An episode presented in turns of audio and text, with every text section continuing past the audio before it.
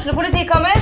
Ine Jansen er purk. Er du purk? The motherfucking bitch. Alt jeg vil, er å finne ut hva som skjedde med mannen min. Jon Carew. Er jeg sikta for noe? Iben Akeli. Det er du.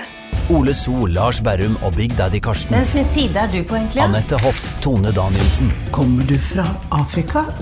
Jørnis Josef, Nesten. Kløfta. Trond Espen Seim, Det er synd å si det, men det var feil mann som døde. Purk. Premiere tirsdag på TV2 Play.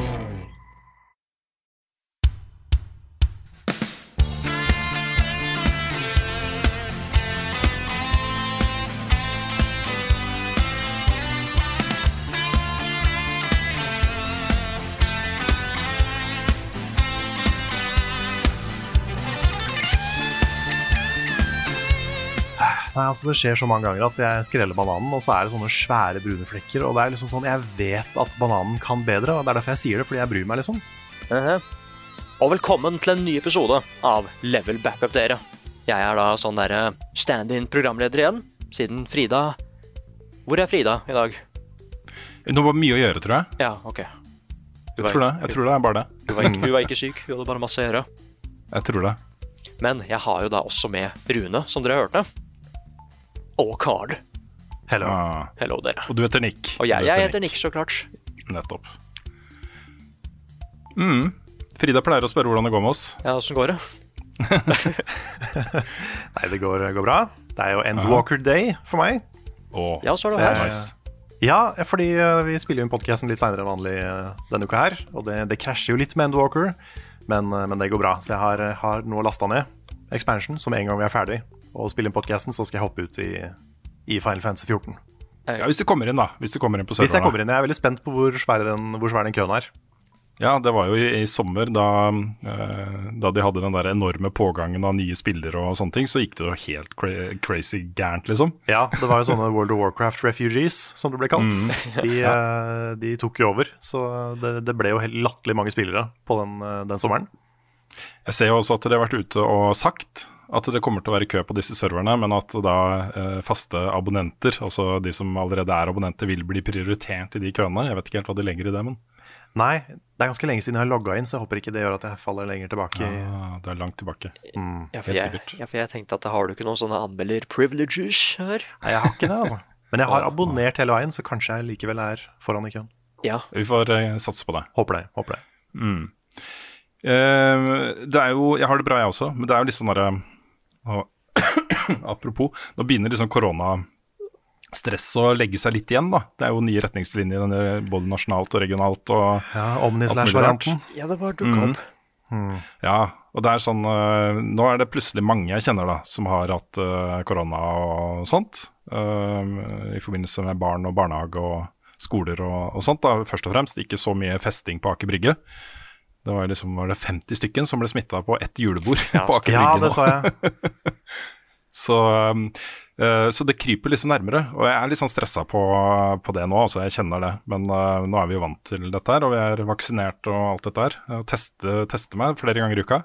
Så so far, so good. Men uh, i det um, eh, nye da bakteppet av eh, korona, eh, så, så skal vi ha et juleshow Ja. den 15. desember. Det, det er jo fortsatt planen. Så med mindre situasjonen blir eh, dramatisk verre, så kjører vi på. I hvert fall, Vi har, får ikke fått beskjed om noe annet. Nei, nei, også retningslinjene er jo at hvis det er et, eh, et eh, offentlig arrangement, sånn type sånn som er da Jeg vet ikke om det regnes, regnes som privat arrangement eller offentlig. Det må vi- det hører med Eldorado om. Ja, men det er jo Men det er i hvert fall en Ja, du kan være 100 eh, personer hvis det er privat arrangement, og 600 hvis det er et offentlig arrangement.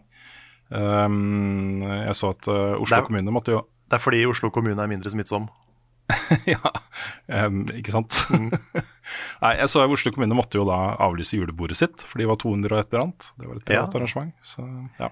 Level up Men, julebord er eh, litt færre mennesker, så det er jo en fordel. ja. Men vi håper da at eh, folk eh, kommer allikevel på dette juleshowet. Vi driver og planlegger det nå sammen med Spelledåsen og Rad Crew. Um, det er så mye julekos i den planlegginga, og så mye kule greier som vi har planlagt nå. Så dette kommer til å bli et veldig koselig sånn førjulsopplegg også. Så um, det er da 15. desember på Eldorado. Billettene er ute på ticketmaster.no. Um, ja, det blir, eh, blir gøy. Og så har jeg også lyst til å bare sende en liten hilsen til uh, Ragequit, som la ut en ny episode i dag hvor de sa at jeg var gjest, og det kunne jeg ikke huske, så jeg begynte å høre på. Og er, de har lagt inn da, de har tatt opptak sikkert fra denne podkasten her, og lagt inn på soundboard. Og vet du hva? Props altså til, eh, til de som har gjort det, fordi det er så mange, mange greier. Alt fra sånne der støttelyder. Og så vi lagde en med deg, Nick. Eh, Frida gjorde det. Eh, og det var liksom fire-fem forskjellige ting. Nei, det er masse til masse forskjellige. Jeg sier ha det bra og ler og kommer med bare sånne hm-lyder og alt mulig rart. da. Så jeg er med liksom med gjennom hele episoden. Det er gjennomført. ja, det er skikkelig gjennomført. Så, mm, så nå har da Level Backup blitt en sånn derre eh, kilde da, til soundboardet til Ragequit. Ja. Eh, podkasten, så det er jo stas, da. Det er, det er, det er litt sånn Det er litt kult. Det er litt kult. Kanskje, kanskje neste gang som Frida ikke kan, så bare legger vi inn Frida i post. ja, det kan vi gjøre, vet du. Det kan vi gjøre.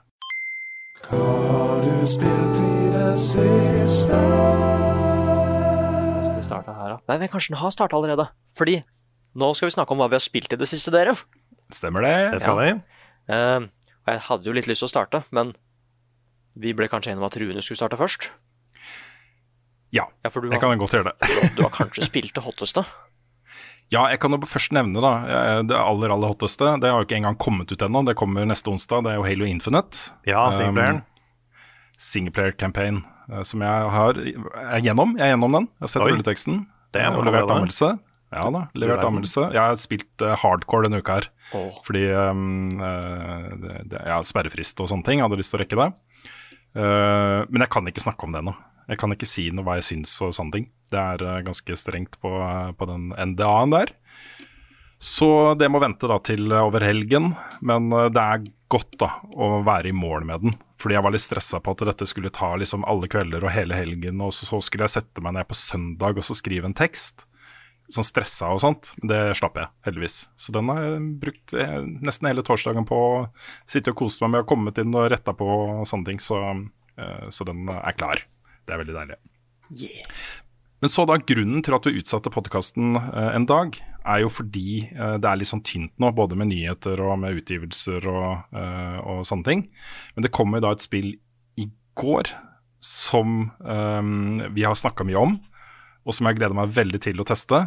Eh, så eh, vi bestemte oss for å utsette, sånn at i hvert fall en av oss fikk spilt det. Og det er jo da selvfølgelig Solar Ash fra Solar utviklerne Ash. av Hyperlight Drifter. Dette har jo sett eh, sånn latterlig lekkert ut hver gang de har vist det fram, på alle trailer og sånne ting. Hyperlight Drifter var kjempebra. Frida ga det jo en solid anmeldelse for oss. Um, og uh, nå har jeg spilt sånn ca. tre timer av det. Og det også er sånn Jeg, jeg har ikke lyst til å konkludere med noe ennå, fordi det er, jeg tipper det er sånn ca. en tredjedel, en fjerdedel av spillet. Jeg tror det er rundt sånn 10-12 timer langt. Virker sånn, basert på progresjon og antall bosser som er merka på en sånn stor søyle. da Midt i hubben, starthuben, liksom. Så står det en stor søyle, og hver boss du tar ned, så får du ett lys til, liksom. Ja, så jeg tatt- Valheim-system. Ja, så jeg har tatt to, og det er fire igjen, så ikke sant. Har spilt ca. tre timer ganger, ikke sant. Så um, rundt tiers timer, tenker jeg da, med mindre det er noen mye, mye større verdener og sånne ting. Men jeg tror dette er et spill som uh, mange vil slite med å komme inn i. Fordi det er bygd rundt et prinsipp om at her skal du liksom bare flyte av gårde. Du skater liksom med venstre trigger, og og så booster du med høyre trigger. Eh, og så har du liksom sånn plattformelementer og grinding og hopping og sånne ting eh, på toppen av det. da. Eh, og hvis du ikke har den liksom helt inne i fingrene ennå, så blir det mye sånn derre uh, Kjører inn i vegger og treffer ikke akkurat uh, det du skal treffe og sånne ting. Og da flyter det ikke, og så blir det ikke like kult. Men med en gang det begynner å sitte Åh, gud bedre, altså. Jeg koser meg så sjukt mye med det spillet. Det er, eh, det er jo da forskjellige verdener, dette her, som har sin egen stil og sin egen boss.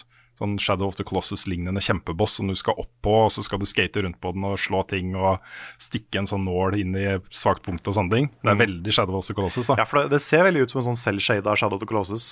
Mm, ja, det er ikke så langt unna sannheten, det. Også kombinert med litt sånn derre um, Litt sånn fast-pace, eh, Twitch-basert eh, gameplay, hvor du må reagere veldig fort og, og sånt. Uh, og det jeg opplevde, var at Og så, eh, Det her blir litt sånn eh, beskrivelse av den videoen da, som følger, følger med eh, på YouTube-versjonen av podkasten. Eh, men jeg endte opp med å spille startområdet og første bossen en gang til, fordi jeg oppdaga ikke den skateknappen før i andre brett.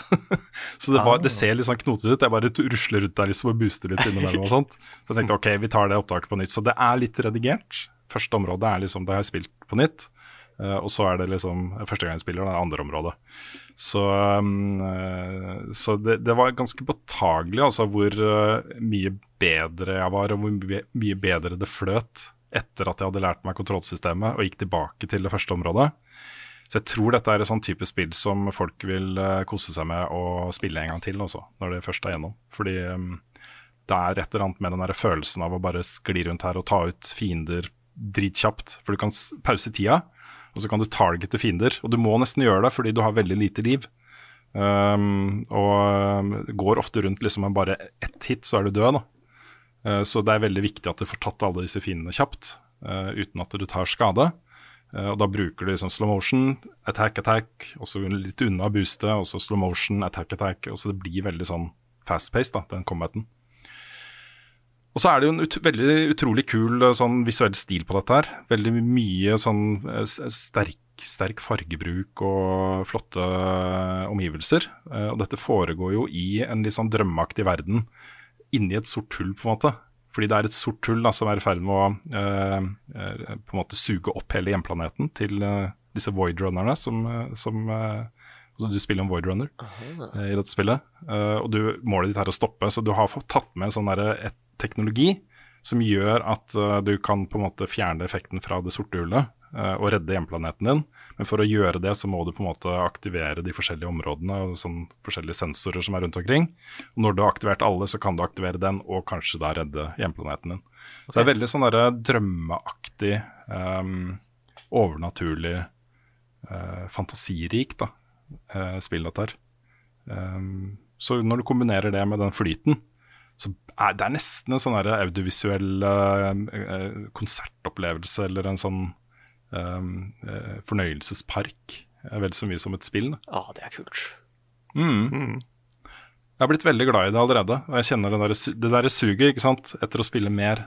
Den er veldig til stede nå. Jeg gleder meg så mye da, til å fortsette på dette spillet og komme meg gjennom det. Uh, og jeg føler meg så kul når jeg får det til. Um, og så er det også et plattformspill med skjulte hemmeligheter og ting du må finne, og ting som er litt godt gjemt bort. Eh, og det du får ut av det, er en ny suit. Så hvis du finner liksom alle de tingene, så får du en ny suit per verden, tydeligvis. da, For det er én i det første, og så er det én i den andre. Eh, og det blir liksom gradvis vanskeligere og vanskeligere å komme fram til og finne fram til. Så um, eh, etter hvert så må du liksom bruke alle de forskjellige abilityene du har, og uh, være litt kreativ da, for å komme deg til akkurat det ene stedet hvor den ene biten er skjult. Eh, så eh, i tillegg til disse bosskampene og sånn, så er det også et sånn utforskings- og plattformspill. Så det, er, det har en del elementer her også som eh, snakker veldig til meg. Utrolig kul musikk og lydbilde og alle disse tingene også. Men det er som sagt da bare um, ja, to sjettedeler gjennom. Så fortsatt mye igjen, og det kan gå litt begge veier, da. Så uh, er litt i den derre eh, umiddelbare nyforelskelsesrusen akkurat nå. Koser meg med det. Men um, det, har, det har potensial også. Det har potensial til å bli skikkelig bra. Dette skal jeg også anmelde for NRK, så der eh, tipper jeg anmeldelsen vil være klar en gang neste uke. Så ja. Nice. Det kommer jo muligens en anmeldelse på Level Up-kanalen også. Mm, ja, for Frida har eh, fått det. Um, uh, hun kunne ikke begynne på det før uh, i dag, tror jeg. Så um, jeg er veldig spent på hva hun syns også. For dette er et Frida-spill. Altså. Det er skikkelig Frida-spill. Absolutt. Jeg har Ja. lyst til å få spilt det sjøl før eh, året er over. mm. Få se hvor lang tid Endwalker tar nå. Ja, det kan fort eh, ta litt tid, Karl. Kan fort ta litt tid. Det er mye story der. Men uh, jeg kommer nok til å spille det ganske intensivt. Men jeg Mm. kose meg da selvfølgelig, ikke, ikke rushe det, for da blir det ikke en bra opplevelse. Ja, det er sant. Det er sant. Så det var meg. Og så har jeg akkurat sittet og kost meg med anmeldelsen din av Battlefield 2042, Nick. Åh, Ja, god damn, ass. Du, er, eh, du er så god på sånn video, Nick. åh, Det er du. Takk for det. Ja, for da, jeg er ferdig med Battlefield nå. Ja. Uh, jeg eh, Det tok litt tid, for jeg var litt treg. Det var én ting. Men så sa de også det at uh, siden jeg var så treg, så kunne jeg vente på denne svære updaten som skulle dukke opp. ikke sant? Eh, og den kom. Men så sa de at men det kommer også en update til om en sånn uke eller sånn, litt i desember. Eh, og når jeg da så at den ikke hadde så mange Vel, den fiksa jo ikke akkurat på problemene mine. Da var det greit å legge den ut. Nei, så, jeg, så jeg har Battlefielda der. Eh, og jeg har tatt noen gode shots. Hatt det fett av og til. Du har, du har tatt noen gode shots, talt. Jeg lurer på det er der det starta, liksom. Ah. At det bare, ja, se på det shotet der. Det var uh... Nei, så det, det var gøy. Eh, Carl og Frida var jo der litt også. Ja, jeg ble litt sånn Hvor var det klippet fra igjen? Ah, det er så gøy, vet du. Fordi det er eh, Jeg skulle ha liksom en sånn liten vits med at eh, disse Det er litt spoiler fra anmeldelsen, tenkte jeg. Men jeg, jeg holder meg liksom sane av å ta disse gode shotsa, ikke sant? Mhm. Ja. Uh, for jeg, for jeg, jeg blir litt sint i den anmeldelsen her. Jeg forstår ikke valget av hva de har gjort. i noen av Det de er mye, der. mye følelser. Ja, og da må jeg liksom roe meg litt ned og ta et go godt shot. Men etter hvert så blir jeg liksom Jeg får ikke helt den gløden igjen, ikke sant? Så da, så hvem vet, kanskje jeg ble litt gæren og begynte å høre stemmer og sånn. At eh, ja, folk encourager meg for å ta det shotet. Pluss at det er, litt, det er litt sånn jeg vanligvis tenker at hvis jeg gjør noe bra, så liker jeg å tenke at vennene mine heier på meg når jeg gjorde det. Ja. Nei, og klippet er fra eh, da jeg streama Ori. eh, Ori 2. Å, seriøst, jeg trodde det var, var fra faktisk stream. Ja, det er jo helt jeg- Jeg begynte å tenke liksom, var det, Holdt vi på med noe annet, og så spilte du Battlefield i bakgrunnen? eller noe sånt? For jeg husker jo ikke Battlefield, jeg bare husker liksom øyeblikket så vidt. Nei, fordi bare Det, det var et av mine favorittøyeblikk fra den streamen. Men den, den ble ikke lagt ut fordi den var så lang. Eh, og da var det bare at eh, dæven, alt det som blir sagt der, passer perfekt til at jeg skal ta det da shotet i Battlefield. så, jeg bare, så jeg bare tok den inn dit, liksom. Og jeg syns det var veldig, veldig gøy. Ja, det er konge. Det kan jo være relevant å nevne at når vi snakker om shot her, så er det jo faktisk uh, sniperskudd. Også ganske sånn imponerende sniperskudd, vil jeg Ja, si. ganske drøye sniperskudd. Ja, det, for det er det jeg liker best. Nei, og da sier jeg hva jeg ga spillene, altså. Ja, det syns jeg du kan gjøre. Jeg ga det tre av ti. Ja, Tre av ti? strengt, eh, strengt nikk. Det er, det er Mighty Number Nine, liksom. Ja, det er liksom Åh, eh, Battlefield 1 i første verdenskrig fikk ni, liksom. Ja. Tenk på det, det er ikke så lenge siden. Nei. Det var litt strengere med Battlefield 5, men det er bare, det skal ikke gå så langt ned. Men så gjorde det det. Mm. Åh, nei, det, det er veldig trist. Og det er litt sånn, de kan fikse på det, men, ho, men problemene jeg har, er liksom for godt etablert i spillet nå, liksom. De kan ikke, det, det er for svært. Mm. Ja, det, er er de liksom, det er på, helt ned på designnivå at du ikke liker hva de har gjort. Ja, ikke sant? Mm. Ja, altså hoved, Hovedinnvendelsen går jo på det at de går bort fra eh, behovet og tilretteleggingen for eh, teamwork og samarbeid og planlegging og den type ting, Ja. og mer over til sånne gung-ho, eh, pang-pang, skyte og drepe ting. Ikke, Liksom. Ja, ikke sant? Det er ganske fundamentalt, da. Mm. Ja, jeg bare Jeg ser for meg hvor snill jeg hadde vært hvis det ikke het Battlefield. Det var en ny Dice-serie, liksom. Mm. Hadde det ikke vært noe problem. Men det er bare så rart å gjøre det her med et liksom, Når jeg sa til Carl, det er som at Bloodborne 2 skulle vært en sånn alminnelig hack and slasher, da. det, det blir helt feil. Ja. Ja. Ja, men det var veldig gøy å lage anmeldelsen. ja, det var en veldig fin anmeldelse. Det, det syns jeg også. Det er bra. Jeg, jeg er så glad i sånne veldig veldig personlige og subjektive anmeldelser. Så det får du til kjempebra.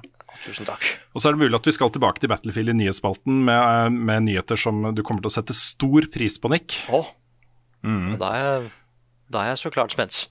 ja, Ja. Lite frampek der. Eh, Men så har jeg også Vi må jo nå tenke på å lage våre topplister, ikke sant? Det er jo slutten av året. Eh, Og jeg har jo et par hull som jeg må fylle. Og det første hullet jeg fant av, var at det var et lite Det det er jo ikke egentlig så lite, men det er et spill som heter Skull the Hero Slayer. Ja, det er jeg litt nysgjerrig på. Ja. Stemmer det. eh, fordi jeg husker at eh, det var på tilbud, og da huska jeg at det så litt ut som Dead Cells, liksom, på noen av tinga. Stilen var veldig fin. Så jeg testa det litt. Eh, Det det er ikke like smooth som Dead Cells, men det er veldig, veldig gøy. Det Mm, er okay. mange flere fiender. Litt mer crazy ting som skjer på skjermen og sånn. Du er kanskje ikke like godt koordinert som det du er i Dead Cells, men det handler om at du er en sånn liten En liten skull kid. Men skallene du kan finne, gir deg kreftene til de som hadde skallen før. Så du kan liksom finne en warrior skull og bli en warrior, eller en pikeman skull og bli en pikeman. Jeg fant til og med en Ghost Rider skull og ble Ghost Rider. Nice. Ja, for det er mange referanser. Jeg tror Kratos-skallen er der også. Jeg har bare ikke funnet den ennå.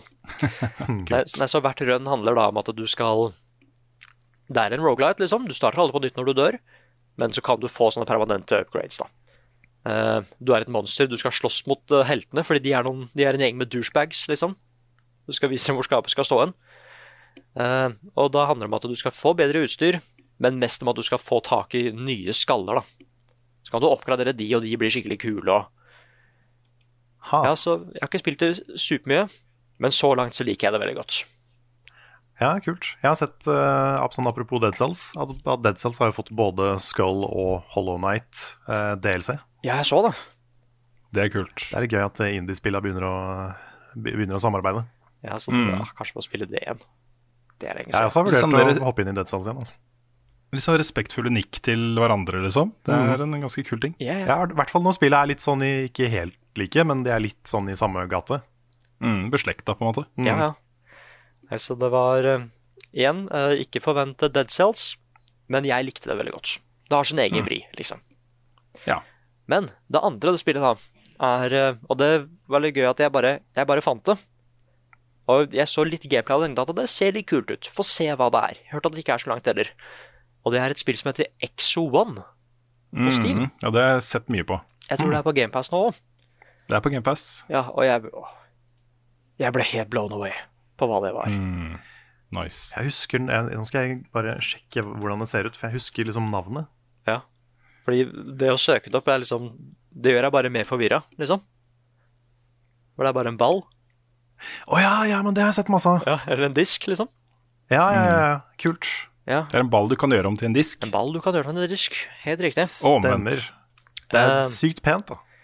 Ja, det er veldig pent. Uh, og det er at det er uh, Jeg holdt på å si historien er ikke det viktigste der, men det handler om at det er Vi har fått et signal fra verdensrommet, liksom, som har gitt oss et alien eh, et, et alien design på et alien romskip. Og du styrer av dette romskipet. Uh, og for å ikke spoile det som kan spoiles der, så skal du Du skal gjøre noe med dette romskipet. Du har både fått signal til romskipet og en destinasjon ute i verdensrommet. Så da bruker du det romskipet for å dra dit. Men greia er at den bruker gravitasjon for å reise.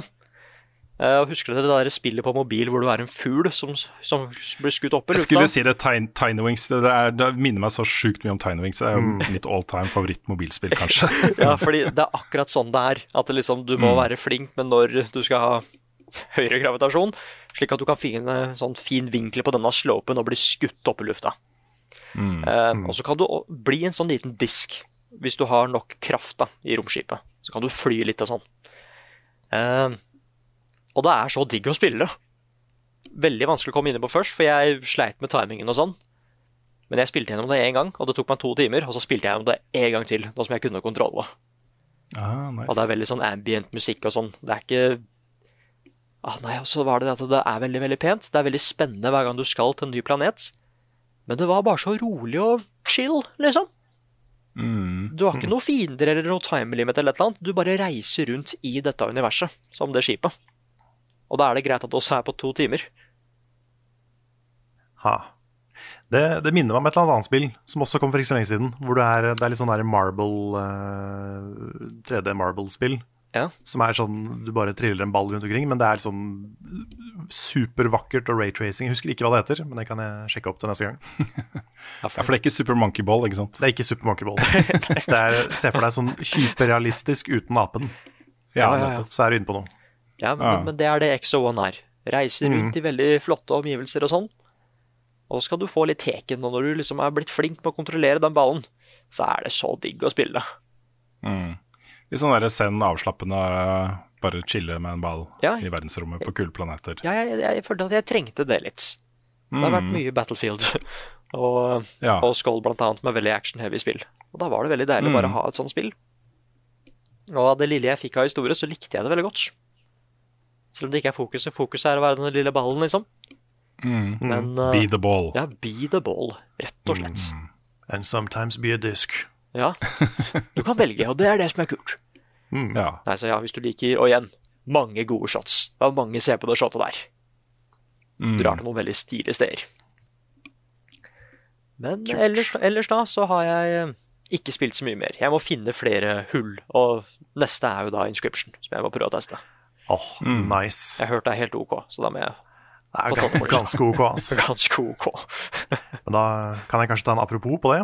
Ja. Fordi jeg anmeldte jo Inscription eh, denne uka her. Og måtte jo da ha litt nye ny video, video footage, for jeg hadde ikke tenkt å anmelde det. Men så fant jeg ut etter at jeg hadde spilt det, at jeg, dette her må jeg anmelde. Ja. Så eh, da hoppa jeg jo inn igjen for å, for å ta litt video. Og da ble jeg litt sånn hekta igjen. Ja. Så jeg har jo spilt det enda mer, og merker nå at liksom, nå vet jeg hva korta gjør. Jeg har mer, litt mer sånn kjennskap til hvordan spillet funker og, og sånn. Så nå begynner jeg å bli sånn OK god i spillet. Og da er det jo enda mer gøy. Speedrun, speedrun, speedrun. speed, ja, men det er, så, det er så mye randomness. Vet du. ja. Is it possible? Is it possible? Um, og så er det ganske langt. Det er lenger enn man skulle tro.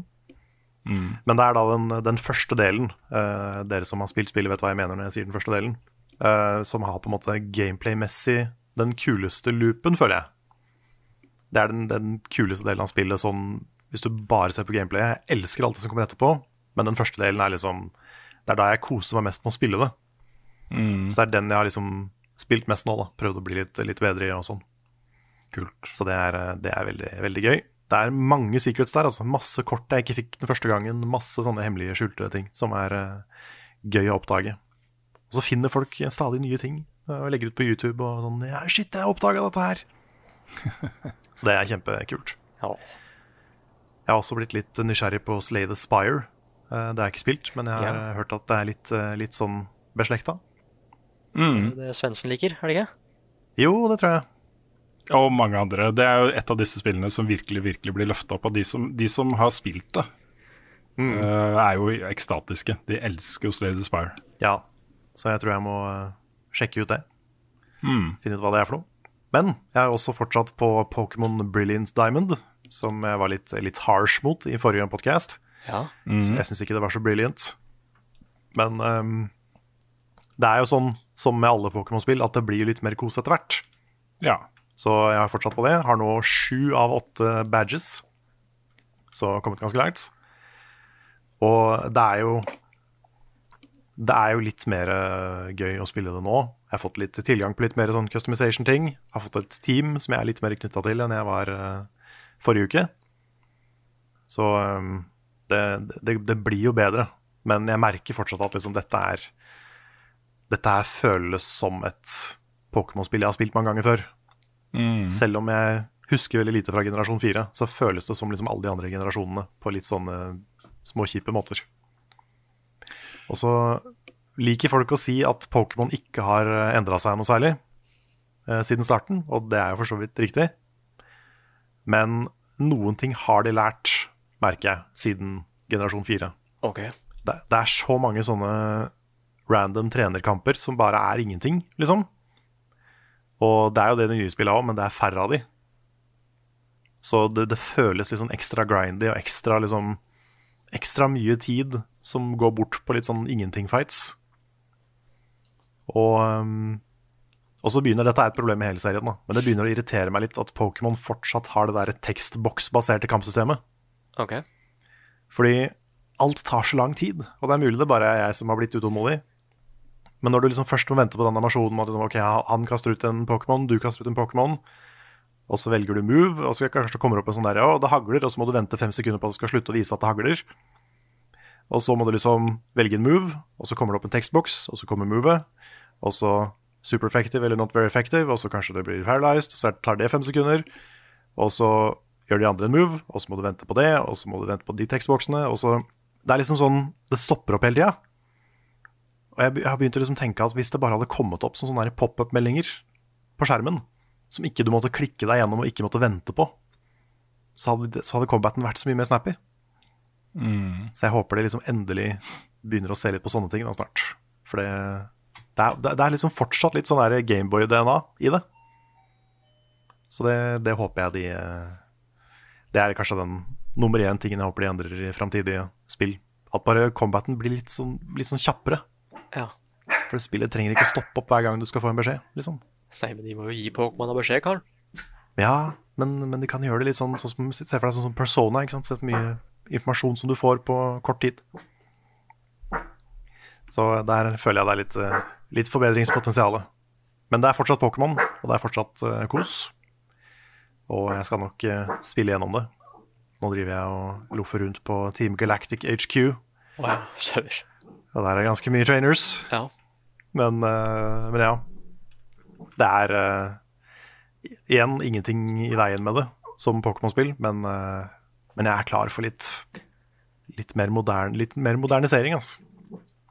Jeg håper de tar det steget nå med Arceus og hva enn som kommer etterpå.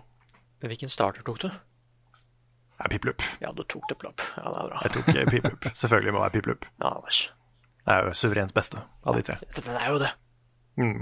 En fin ting med det, sånne nyutgivelser og oppussa versjoner og sånt, er jo at um, sønnen min får jo muligheten til å liksom gjenbesøke litt eh, andre generasjoner og sånne ting i Pokémon. Så han Mm. har begynt å spille, eh, spille dette nå. Jeg tror han koser seg veldig, altså.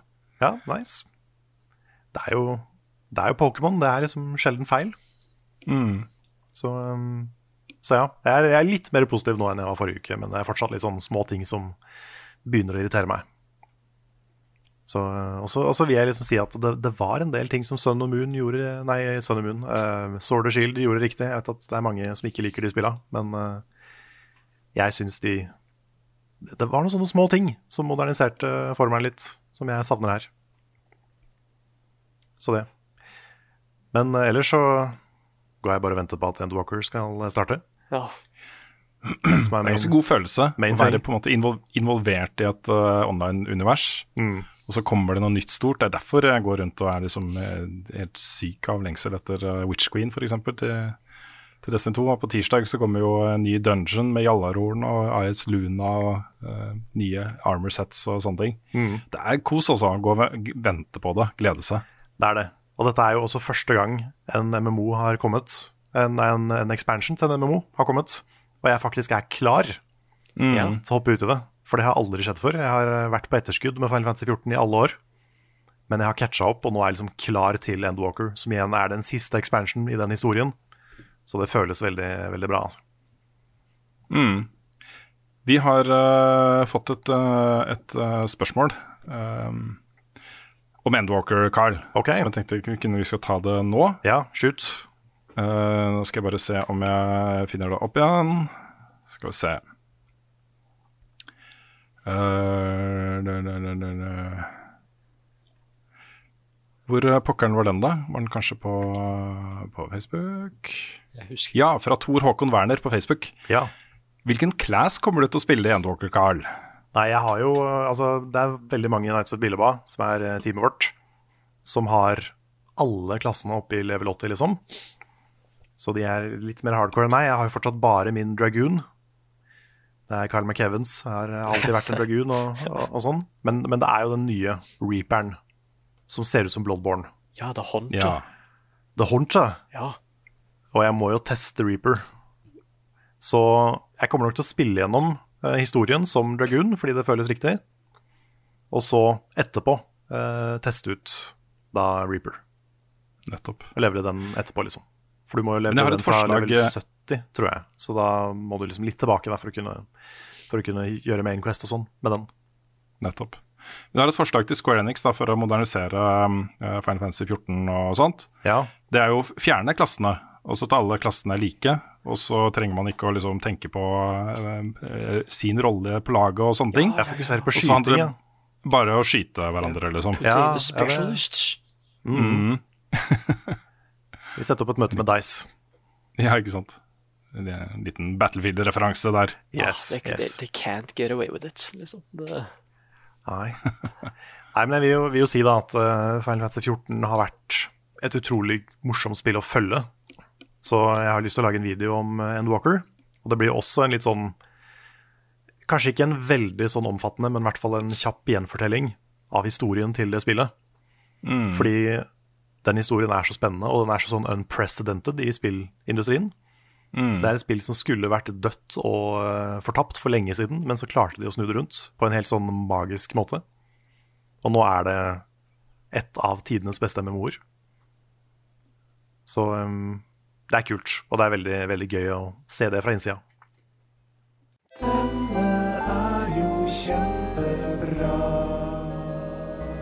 Ukens anbefaling. Og da, dere, har vi kommet til ukas anbefaling. Eh, kan jeg ta den igjen? Gjør det. Kjør panikk. Jeg hadde egentlig tenkt å være sånn at siden jeg er programleder igjen, så skal jeg ta den igjen. Men jeg spurte pent denne gangen om det var greit. Nei, fordi eh, dere Nå skjer det noe ganske spennende her, da. Eh, Ok. I hvert fall, eller i hvert fall for meg så er det megaspennende. Det er det jeg er mest spent på i år, faktisk. Veit dere hva som skjer 15. desember? Ja, det er juleshowet til Level Up. Juleshowet til Level Up. Hva er det det? Ja. Å nei, å nei, det krasjer. Å, shit. Å nei, nå ble det plutselig en dårlig anbefaling. Vent da. Ok, fordi det, det er juleshowet til Level Up. Men det er også en ting til, skjønner dere. Ok. Det er den nye Spiderman-filmen! Oh my god, det stemmer det. Ja, er det 15. desember? Ja, det er det. Oi, oi, oi. Oi, oi, shit. No Way Home. Jeg holdt på å si før jeg spoiler nå, har dere sett traileren? Ja. Nei. Nei, men faen altså, Rune. Nå, må, nå gjør jeg noe. Ja, men jeg ser ikke trailere. Hvis jeg kan unngå det, så lar jeg være. Uh, Hvis det kommer i trynet mitt og noen dytter opp øynene mine med fyrstikker mens jeg er på kino, så ser jeg de. Okay. Men hvis ikke, så lar jeg være. men så du vet ingenting? Nei, jeg hørte lyden fra den på en uh, film jeg var på. Men jeg, eh, det, det jeg har fått med meg, er at uh, fra rykter og sånt, er jo at Toby, Fo Toby Fox, Toby Maguire Toby og, Fox. og Garfield og sånt har vært innom på et eller annet vis. Ja, vet vi det nå? Nei, vi vet ikke helt sikkert, men det kom noen rykter om det i hvert fall. Ja. Ja, men Vil du ikke vite noen ting i det hele tatt? For da må du nesten gå nå. Noen sekunder. Nei, det går nok greit. Det går nok Nei, greit. fordi dette her handler jo liksom om the multiverse, liksom. Mhm. Og litt ting og tang. Uh, og det som er da ekstra spennende, er fordi at uh, når det er da snakk om the multiverse, kanskje det kan dukke opp andre versjoner av characters, ikke sant?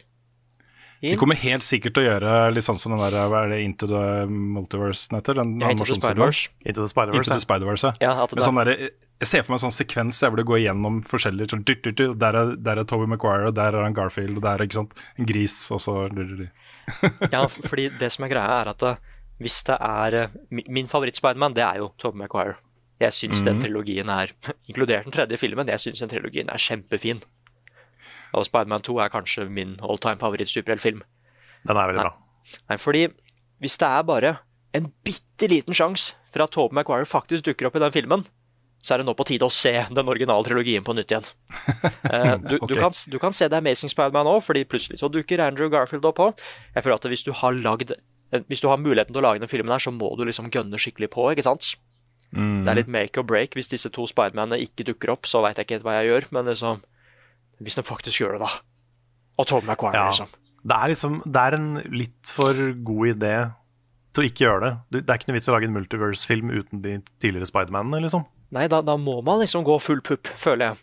Ja. Det kan jo hende at de som lager den filmen, bare har, har sett på liksom, eh, kommentarene om, eh, om animasjonsfilmen, som jo blir omtalt av mange da, som tidenes beste superheltfilm.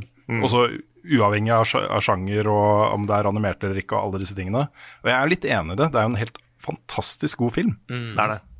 Ah, Men det er, en, det er en veldig god film uavhengig av at det er et multiverse. da Så jeg håper at de Jo, liksom jo, har, tatt, har tatt de riktige, den, den riktige lærdommen av den filmen. Ja, Ab absolutt, men, men det er på en måte det multiverse-tingene legger et lag på det som åpner opp for eh, sånn utrolig mye kreativitet og skaperglede og, og gode ideer som egentlig ikke ville passa inn i en vanlig film, liksom, men det passer fordi det er multiverse, ikke sant? Ja, Ikke sant? Det, det jeg er mest spent på, er egentlig bare å se Otto Jespersen igjen. ja og, og det er liksom fordi dette her kan bli Spiderman 4, da. Ja, det kan på en måte det. Ja, og det, det er sånn Jeg skjønner at jeg blir giddy å prate om det, fordi jeg vet akkurat åssen jeg hadde gjort det. Hvis jeg liksom hadde skulle lagd den filmen her. liksom Bare tenk at uh, Jeg holdt på å si Tom Holland og Andrew Garfield, de er bare der, og de bare Å, herregud, det er for mye møkk som skjer. Hva skal vi gjøre? Det er for mye stress. Det er for mange bad guys, eller et eller annet sånt. Og så bare hører vi themelåta til Tom McQuire sin Spiderman. Vi hører de trommene, liksom. Og de, bare, og de bare skjønner ikke hva det er. Bare Hva? Vent, hva er det? Hva er, hva er det sånn kult som skjer der borte? Og så bare hopper han inn. Ah, igjen, hvis jeg hører den themelåta der, kommer jeg til å besvime i kinoen, liksom? Jeg, bare, jeg ser på meg hvor fett det kan bli. Det er derfor de må få til dette her, altså. Ja. Hvis det bare Så din anbefaling, din anbefaling er også å se Tobey Maguire, Spiderman-filmene, Spider før du ser Ja. denne? Er det det, Ja. det som er anbefalingen? Tilbake til anbefalingen, ja. Eh, Fordi det er eh, Du kan se liksom Andrew Garfield også, fordi The Amazing Spiderman-filmene er jo Jeg tror begge to er på Netflix. Men jeg anbefaler da spesielt da den originale trilogien. Hvis Toby, Med den lille sjansen at Toby faktisk dukker opp, liksom. Eh, fordi der kan du se film Den er litt vanskelig, da, fordi film nummer én og tre er på Netflix. Og film nummer to er på Amazon Prime. Oh, ja. Ja. Så de har jo så klart gjemt den beste bort, liksom. Mm. ja, jeg føler liksom Spiderman-filmer er sånn her mishmash på masse forskjellige, for, forskjellige nettsteder. Disney Ja. Pluss har noen av de. Ja, det er det. Det er, det er så rart. Veldig rart. Eh, nei, så jeg anbefaler bare å se den originale trilogien din, for det har jeg gjort. Og den, den er litt sånn Det var tidlig 2000-tallet, liksom. Eh, Ja, det var det. Men jeg, jeg syns de Han Sam Ramy som lagde de filmene, han forstår Spiderman. Og det var ikke liksom jeg, jeg er glad i liksom Tom Holland, men jeg syns ikke Jeg syns Spiderman her i det MCU He's lacking litt. Og mye av det er fordi at ting skal være så connecta. Det kan liksom ikke handle bare om Spiderman. Det må handle om liksom alle karakterene som han har vært sammen med, og Tony Stark og liksom Det er så svært. Så han får liksom ikke sine egne eventyr, føler jeg. Men i de tre Nei. originale filmene her, der fikk han det. Mm. Han har ikke vært så veldig Friendly Neighborhood Spiderman ennå. Nei, ikke sant? Det er noe med det. Uh, og liksom hva det vil si å være Spiderman og sånn. Det er derfor en Spiderman 2 er så kul. Mm. Det er dritt å være Spiderman. Det stinker, men han er det fortsatt. Mm. Nei, og så er det Sant. bare den, Igjen, den er litt morsom, for det er veldig 2000-tallet, liksom. Mm. Men jeg syns det har holdt seg veldig bra, ass. His heart, we attack his heart. Ah, det er, oh, det er, apropos gamle filmer, jeg må bare ta en liten av avlegger. ja. For jeg har, jeg har lært sønnen min uh, Oh Hi Mark-memen. Ja, Fordi han har en i klassen som heter Mark. nice. Oh, nei. Jeg har vist han scenen også. Det er kjempegøy.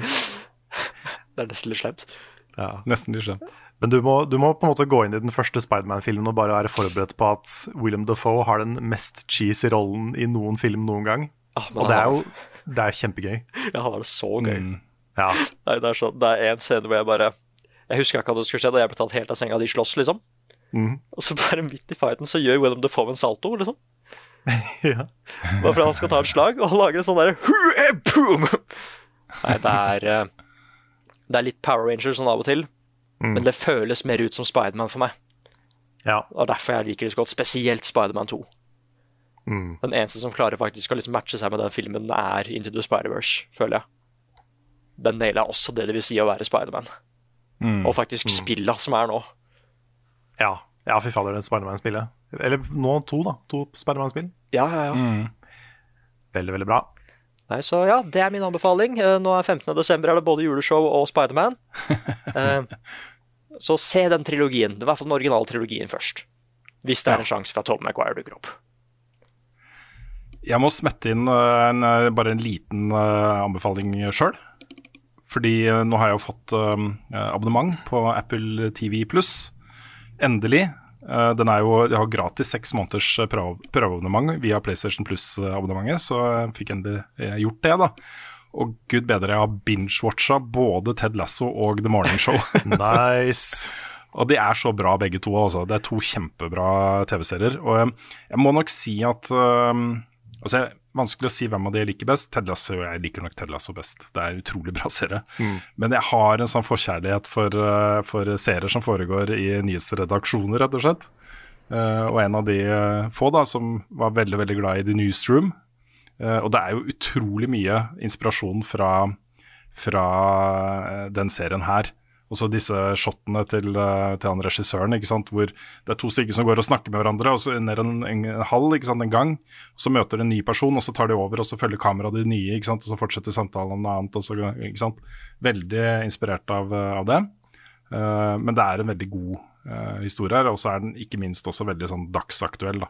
Uh, den starter jo med en svær metoo-sak, hvor den mannlige programlederen gjennom 15 år uh, får noen anklager mot seg og får sparken, og så uh, shaker det opp hele redaksjonen. da, Så følger du liksom de intrigene som oppstår i kjølvannet av det etterpå. Um, veldig bra skuespiller og uh, godt fortalt. Men Ted Lasso, altså. Ja. det, er, det, er så, det er så bra, og så er det så real, liksom. Så down to earth og real. Sånn, eh, så mye sånne uh, menneskenatur-sannheter som kommer fram da, i fortellingen, samtidig som det er koselig og morsomt og alle disse tingene her. Ja, men det er, Det er, akkurat det. Det er så utrolig kos. Mm. Det er sånn eh, veldig comfort food-TV. Det er det. Samtidig som det er smart og bra og liksom gjennomført. Mm. Veldig god rollefigur og sånt også. Jeg er uh, halvveis cirka i sesong to, så nå er jeg snart klar da for sesong eh, tre. Men det var uh, kult. Og det er en serie til der som uh, står på vent etter Morningshow og Ted Lasso, og det er Foundation, som også har hørt mye bra om. Så, um, så den skal også ses. Ja, det er den science fiction-serien? Stemmer. Ja, for den har jeg hørt er kjempebra. Mm, samme her. Så den gleder jeg meg til. Men den vil jeg se uten uh, forstyrrelse fra Ted Lasso og Morningshow, så jeg venter litt på den.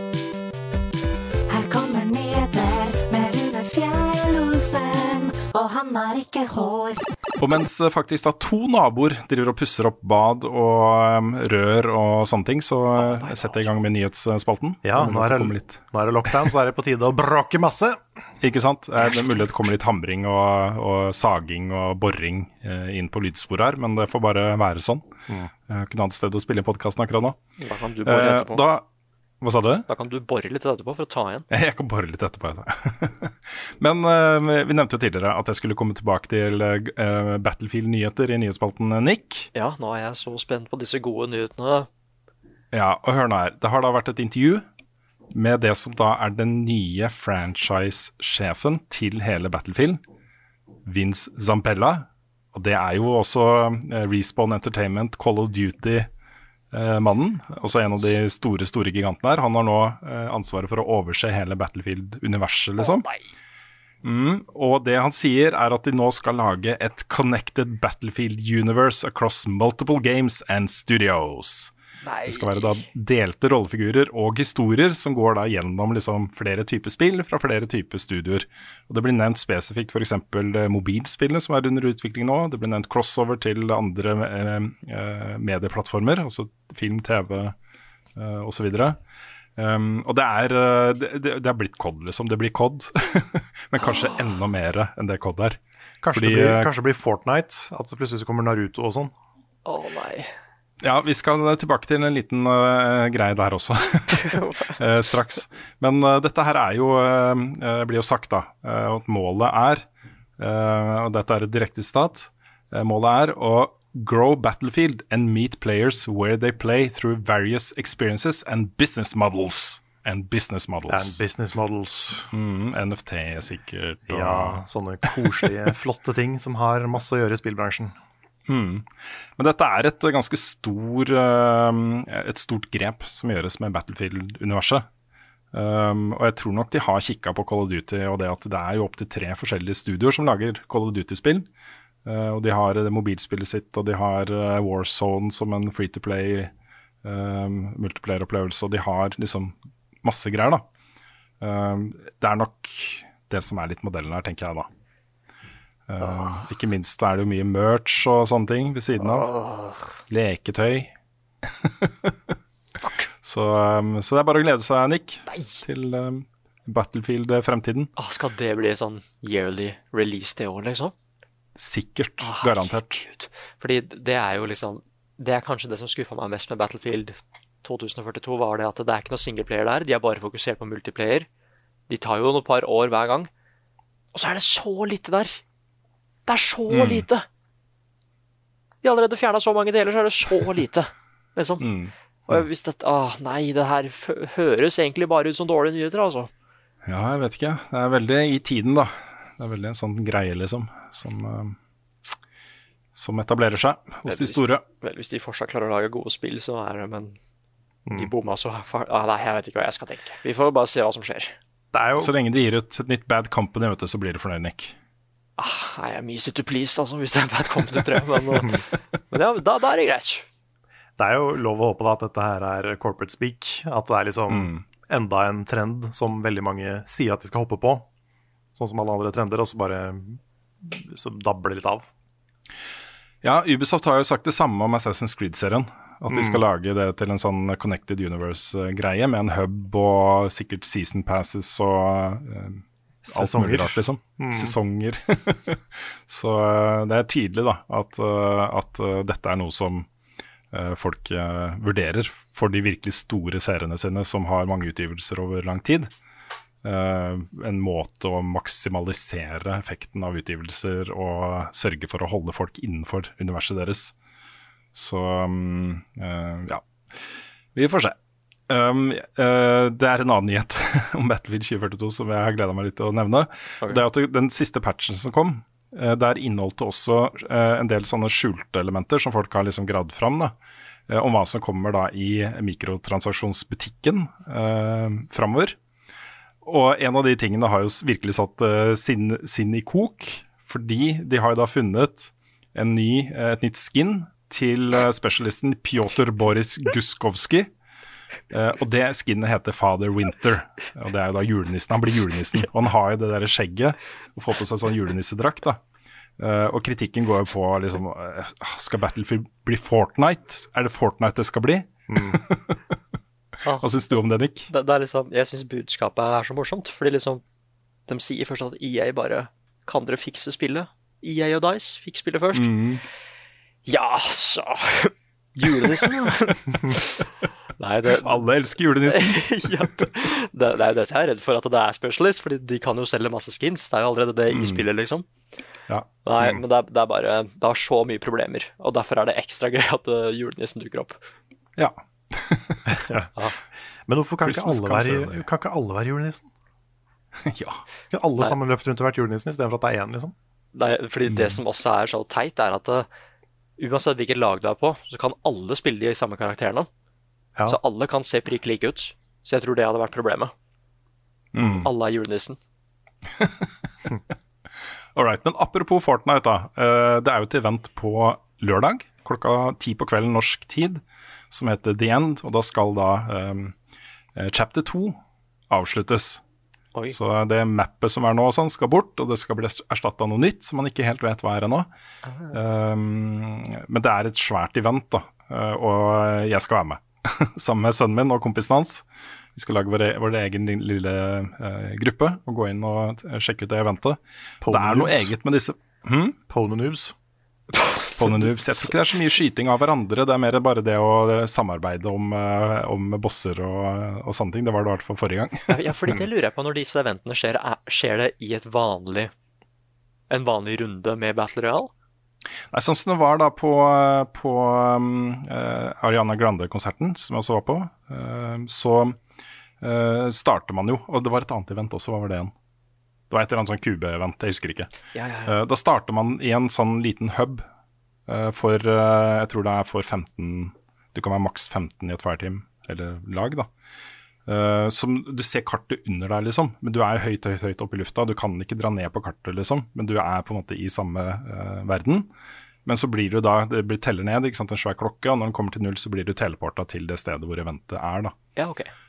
Så um, eh, det er mer da at du går inn på eventet fra, fra launch-menyen. Ja, du kan ikke skyte folk som har lyst til å bare få med seg eventet. Nei da. Oppvarminga der er jo bare å vise fram alle de kule emotene du har, og skinsa og sånne ting. Og jeg har liksom én emote og ett skin, så det er ikke så kul uh, akkurat der, da. Men um, oh, tenk så ja. kjipt. Det er liksom bare rett før tidenes reveal, så blir du skutt. ja, ja, Så får du ikke med deg noe av det. være med. Nei, men Det var skikkelig kult sist, også, fordi da var det jo en hel gjeng da, som ble teleporta inn i det store romskipet som uh, svever over mappen nå, liksom. Eh, og så blir du først tatt til fange, og så må du slippe fri, og så må du liksom samarbeide om å komme deg videre, og så kommer du til slutt til et svært kube i et rom, og så går alle spillerne og holder inntil den for å deaktivere den, på en måte, og så går blindsa for det rommet opp, og da er det bare 1000 sånne kuber der ute, da. Um, så det er liksom en del sånne uh, delte opplevelser i virtuelle rom som jeg syns er så spennende med den type events. Hvor du er, du er med på en aktivitet som er der og da, den er live. Du kan bare være med den på det tidspunktet, og hvis du ikke får vært med på det tidspunktet, så får du ikke vært med på det. Det, er, det har skjedd.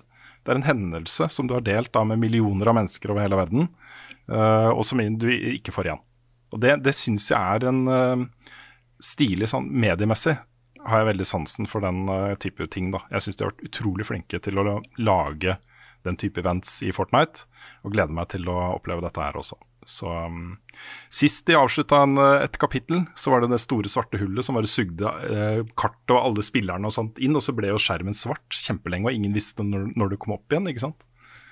Så det er liksom potensialet for noe spektakulært der. Det syns jeg er kult. Ah, Mødrene som jeg kjente, spurte meg om hva som skjedde. Det var litt gøy. Ja, så hvorfor kan ikke barna mine spille Fortnite? Ja, vet Ja, ja, ja, hva som skjer med denne Fortniten? Ja. jeg hadde bare hørt litt om det sorte hullet. Ja, ja. Det var litt Men det er også, hvis folk er litt nysgjerrige, da, så er det bare å gå inn på Epic, lastene, eller på PlayStation hvor som helst, laste ned Fortnite og lage en konto. Eh, Du trenger ikke å Du kan være level 0. Jeg var level 0 første gang jeg var med på et Fortnite-event. Det er bare å være der og henge med, og alle kan gjøre det. Det er gratis. Så Å, Carl. Mm. Skal vi ikke bare gjøre det? Jeg har jo det er en god stream, da. Det er rett og slett en god stream. Ja, men Endwalker, you guys. Å ja, for faen. Nei, men det, hvor, hvor langt er dette eventet her, da? Det kan jo ikke være så lenge. Kvart i 20 minutter, tenker jeg. Ah, det, er sånn, det er sånn trerevelse i en walker-kart. Er det? Nei, så, Det alt du trenger å gjøre, er bare gå inn og så registrere deg eh, som eh, deltaker. Og så blir du liksom sendt til den lobbyen. Eh, du kan gå inn tror jeg en time før, men du holder å gå inn eh, noen minutter før. da, Fem-ti minutter før. Mm. Eh, og så er du i gang, liksom. Så bare å følge, følge det de andre gjør. Ja. Det hadde vært en kul stream. Jeg er, jeg er i Tønsberg i helga, så jeg får uansett ikke vært med. ja, Nei. Eh, vi går videre. Uh, det har dukka opp et, eh, et spill som ikke er Eller noe, da. Som ikke er uh, offisielt annonsert ennå, men som har blitt datamina ut av en oppdatering til PlayStation Store, uh, visstnok. Og det er da en opplevelse som kalles The Matrix Awakens. An Unreal Engine 5 Experience til PlayStation 5. Som ingen vet hva det er. Men det er et bilde da, hvor du er liksom inne i The Matrix med de grønne tingene og sånt. Ja, for det er offisielt The Matrix, liksom. Offisielt Matrix tydeligvis, da. Eh, noe som skal eh, følge den nye filmen som kommer nå til jul. Um, så det er jeg spent på. Det kan jo være litt sånn eventaktig, det også. Eh, så mm, litt stilig. Uh, og så, jeg jeg, så dere den der uh, uh, videoen som annonserte utsettelsen av The Stanley Parable Ultra Deluxe, Deluxe Edition? Jeg så, Hvis den er gammel, så har jeg sett den. Nei, den er helt ny. Det Ah, ja. det er utsatt igjen, da, for det skulle jo komme nå før jul. Okay. Uh, men nå er det utsatt da til tidlig 2022. og jeg begynner å mistenke at de bare utsetter det fordi det er gøy å utsette det. For den videoen er kjempemorsom, altså. Ja, for den, var, den forrige også var veldig morsom. Det var samme konseptet. Ja, ja, ja. Og det er sånn, det skulle jo opprinnelig komme i 2018 eller noe sånt, og så har det blitt utsatt igjen og igjen og igjen og igjen. og igjen da. det, den videoen her handler jo bare om, om eh, at dette er en utrolig fin måte å torturere fansen på. Aha. Bare å annonsere ting, og så stabbe de i ryggen med en utsettelse. og det er den fortellerstemmen fra spillet som kommer med dette her også. Så. Ah, så kult. Men jeg, jeg lurer på hva de legger til. Fordi det spillet er jo liksom perfekt som det er. Ja da. Så hva, Nei, er- hva kommer til å være mer. Ja. Det er lengre manus. Uh, jeg husker ikke det sånn prosent, var det 10% eller 20% eller noe sånt lengre manus. Mm. Med da flere scenarioer, tenker jeg da. Uh, eller, um, eller noe nytt da, som de har um, bakt inn i opplevelsen. Så um, ja, Dette er en klassiker også. Dette er jo et av de beste spillene jeg har spilt. Ah, jeg kunne ønske jeg kunne glemme det. Ikke sant? Mm. det er helt herlig, altså. Så, men da tidlig 22 er da ny dato på den. Uh, ja, nå hoppa jeg litt fram og tilbake i manuset mitt, bare sørge for at jeg ikke misser noe. Uh, jo, jeg vil bare nevne kjapt at uh, eh, Halo eh, Infinite, multiplayer, går jo da offisielt ut av beta eh, når campaign lanseres den 8. desember. Eh, og eh, tiden da fram til lansering har du da bl.a. brukt til å reworke litt eh, progresjonssystemet. Du får noe mer XP for de første matchene du spiller hver eneste dag.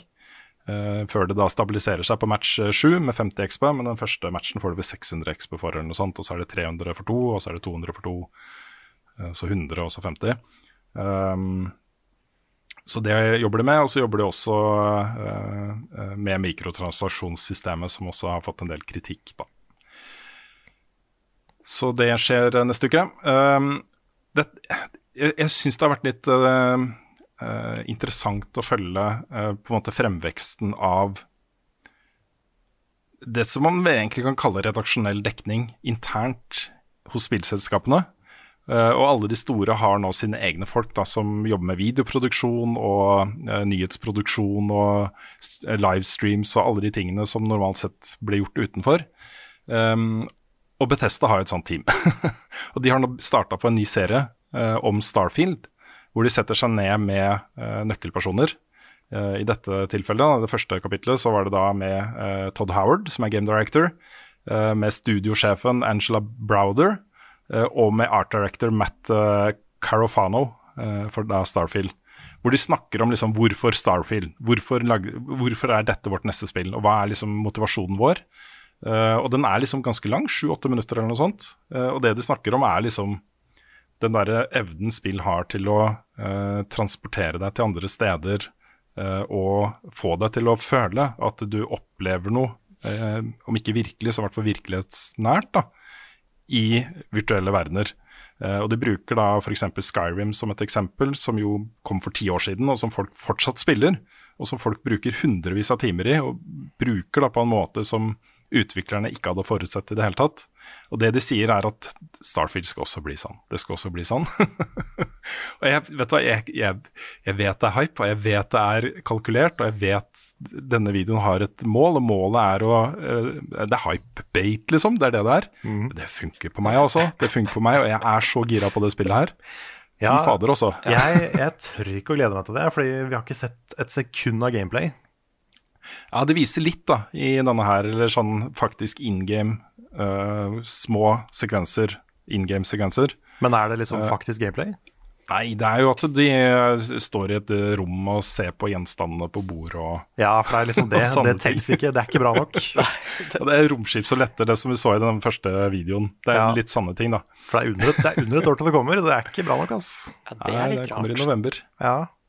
Det kommer garantert til å bli utsatt, da. Det, er- dette er et 2023-spill. Jeg er bare Du hørte det ikke, Sannsynligvis ikke her først, da, men du hørte det i hvert fall her. Er det ett spill jeg tror kommer til å bli utsatt i år, så er det det. ja. Men det er jo, det er jo litt, litt poeng òg, fordi er ikke det nøyaktig ti år etter Skyrim, eller elleve? 11. Elleve er det. Ja, for det var 11-11-2011, og så Ja. Ja, da, riktig. da kan man ikke utsette. Nei.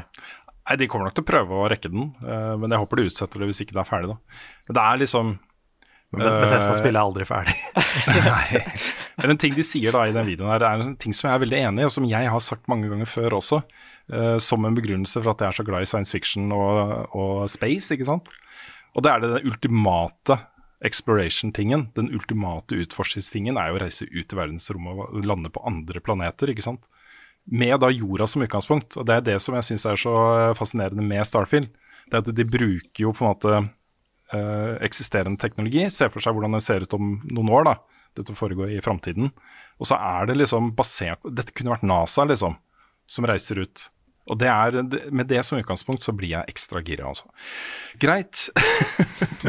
Jeg kjenner, jeg kjenner Jeg er nesten like uh, hypa på Starfield som jeg er på Elden Ring. Det er Så ille er det, altså. Ja, det er det, er, det, er sku, det er skummelt, Rune. Det er skummelt. Nei, jeg vet det. Ja, Du har ikke, jeg- du har ikke sett spillet ennå? Jeg er også veldig hyped, men det er jo Elden Ring, da. Ja. Ja. Yes. Um, og så siste nyhetssak. Uh, den norske e-sportorganisasjonen Apex har fått ny sportslig leder, og det er Thomas Alsgaard. Langrennsstjernen. Thomas Alsgaard. Det er en anledning for meg da til å rette opp en liten uh, uh, feil jeg hadde i spilluka tidligere i uka. Hvor uh, jeg, sagt, jeg sa at han var stor på tidlig 90-tall, men det var liksom mer enn mot slutten av 90-tallet og tidlig 2000-tall. Som Thomas han er ikke så gammel, liksom. Nei, skjønner.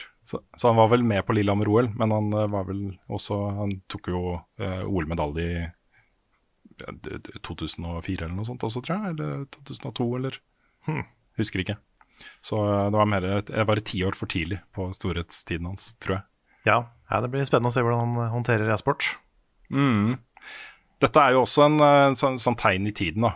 Den derre de, eh, innsatsen som de store e-sportorganisasjonene gjør for å på en måte tiltrekke seg sponsorer og eh, vise muskler da, i et marked hvor de er på en måte avhengig av mer penger for å kunne liksom drive på det nivået de ønsker.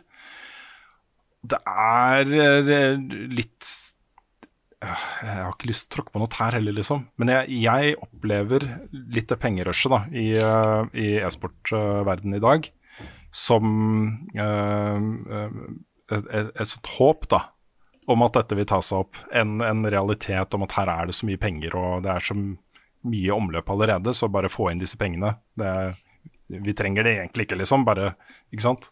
Uh, og det er uh, Jeg er slett ikke sikker på, altså, at, uh, at investorene, de som spytter inn alle disse pengene, vil få de tilbake. Det er i noen tilfeller kanskje, du er avhengig av en del sånne elementer som er, man ikke har så god kontroll over. F.eks. sportslig suksess. Og så Hvis du har henta inn eh, flere hundre millioner kroner eh, og ansetter eh, alt fra sosiale medier-folk til entertainere og, og innholdsskapere til e-sportlag og trenere og eh, motivational coaches og alt, liksom. Hele, et helt apparat, da. Eh, Det er det disse pengene brukes til i Zero Zero, f.eks. Men det tas også Så- veldig mange kule bilder av gamere med armene i kors som ser sinte ut. Ja. ja, det gjør det. Og det er, det er ikke noe tvil om at dette er jo en modell som fungerer for noen. Du har jo noen sånne e-sportorganisasjoner rundt omkring i verden, eh, med Team Liquid og Ninjas in Pyjamas og uh, osv. Men det er, det, det, du, må, du må gjøre sportslig suksess. Da. Du må få noen lag som etablerer seg helt, helt, helt i toppen for at den type investeringer eh, vil kunne lønne seg over tid. Eh, og så må det jo bli en sånn greie som folk følger fordi folka bak er så kule, liksom. Um, og der har jo Zero Zero da, for eksempel, de har henta inn uh, Thomas Zuccarelli og Stian Blipp og masse kjente folk da, som eh, er der for å skape liv og røre, på en måte. Uh, det skal være liksom et kult sted. Og det er, det er noe eh, Ja.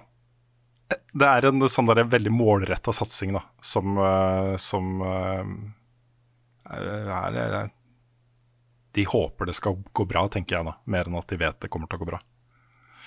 Så det at Thomas Alsgaard er da ny sportslig leder i Apex, det er jo en åpenbar link her, som vi også snakka litt om i spilluka, som handler om liksom, hvordan man motiverer toppidrettsutøvere, hvordan man eh, presterer under press, alle disse tingene som han var veldig, veldig god på. da. Det er jo åpenbart en del overførbart her. Eh, men eh, ja, vi får se.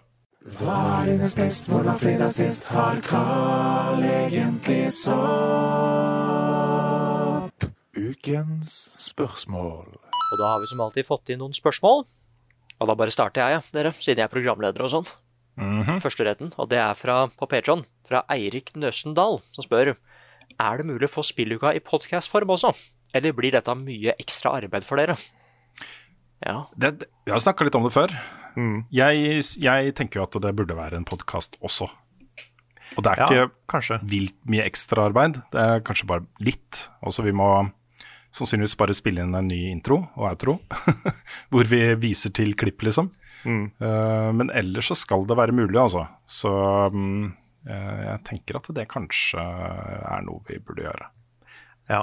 ja, kanskje. Det er også, jeg har også snakka om en annen ting. Det er ikke sikkert vi kommer til å gjøre det her, men uh, rett og slett bare kombinere spilluka og nyhetsspalten i podcasten på en eller annen måte. Fordi det er jo litt samme ting.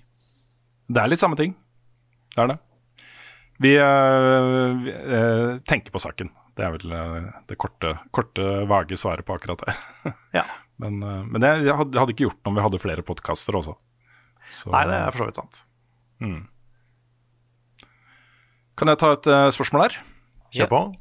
Det er fra Tony Flaten, som lurer på hvordan vi går fram for å velge hva slags spill vi vraker, og hvilke spill det da faktisk blir anmeldelse av. Og det er jo litt sånn, og så særlig for, Jeg er veldig sånn, da. Jeg tester utrolig mange spill som ikke det blir anmeldelse av. Um, det er egentlig mye for å, for å se hva de er. Uh, få et inntrykk av hva de er, uh, og da eventuelt vurdere om det skal bli en anmeldelse av det, eller om, uh, om det er bare noe jeg snakker om i podkasten, eller, eller noe sånt. Og det er jo et Det blir mange hull, altså. Det, det er mange spill jeg har spilt en time eller to eller tre som det ikke har blitt anmeldelse av, som jeg tenker at det burde blitt anmeldelse av, men det er jo fordi det tar så sjukt lang tid å lage en videoanmeldelse av et spill. For det første så må man jo da gjennom hele spillet, helst. Og så må du bruke et par dager på å lage faktisk videoen. Uh, og det som skjer da, er at du må hele tiden prioritere, da. Uh, du må disponere tiden. Uh, og da vil det være mange av disse spillene som det rett og slett ikke blir tid til å la, lage anmeldelse av. Og så går det en måned eller to eller tre, og så er det på en måte litt for sent. da. Så, um, så det er egentlig forklaringa på det. Og um, skulle gjerne anmeldt mye mer, men um, blir alt, ikke alltid mulighet til det, dessverre. Altså. Ja, for jeg kunne ønske det var tre av meg, liksom. Mm. Ja. Fordi i hvert fall når vi liksom har en embargo, og jeg ser at ja, nå kommer folk med de skriftlige anmeldelsene. Og jeg har også blitt ferdig med manus, liksom. Ja. Men jeg må liksom også voicere og klippere. Mm. Men til Ja, det- syns jeg anmeldelsene våre er veldig fine, da. Jeg syns Ja. vi er flinke. Det er liksom, jeg føler det er verdt å bruke tid på å lage de videoene nå. Ja. Mm. Fordi det er liksom oss. Det er vår ting. Ja. Det å lage anmeldelser på den måten. Men um, det er en sånn løpende vurdering hele tida, egentlig. Sånn Mm. Er det spillet her interessant? Kan, kan jeg si noe interessant om det? Kan jeg lage en fin video om det? Hvis ja, så er sjansen større for at det blir anmeldelse. Mm. Og hvis ikke, så sånn som med, med Pokémon Diamond, så er det litt sånn her Jeg føler ikke jeg har noe interessant igjen å si. Fordi jeg har sagt det sånn åtte ganger før på de andre Pokémon-spillene. Så jeg kommer Mm. til å anmelde Arceus, men jeg droppa Diamond fordi du kan nesten se en gammel anmeldelse av et annet Pokémon-spill og få nøyaktig den samme videoen. Bare Bytte ut. Copy- Copy-paste. ja, det blir litt sånn. Finn, Finn Endre. Ja. Mm. Jeg har mista den store muligheten til å kalle sønnen min Finn Endre, for det hadde vært litt kult.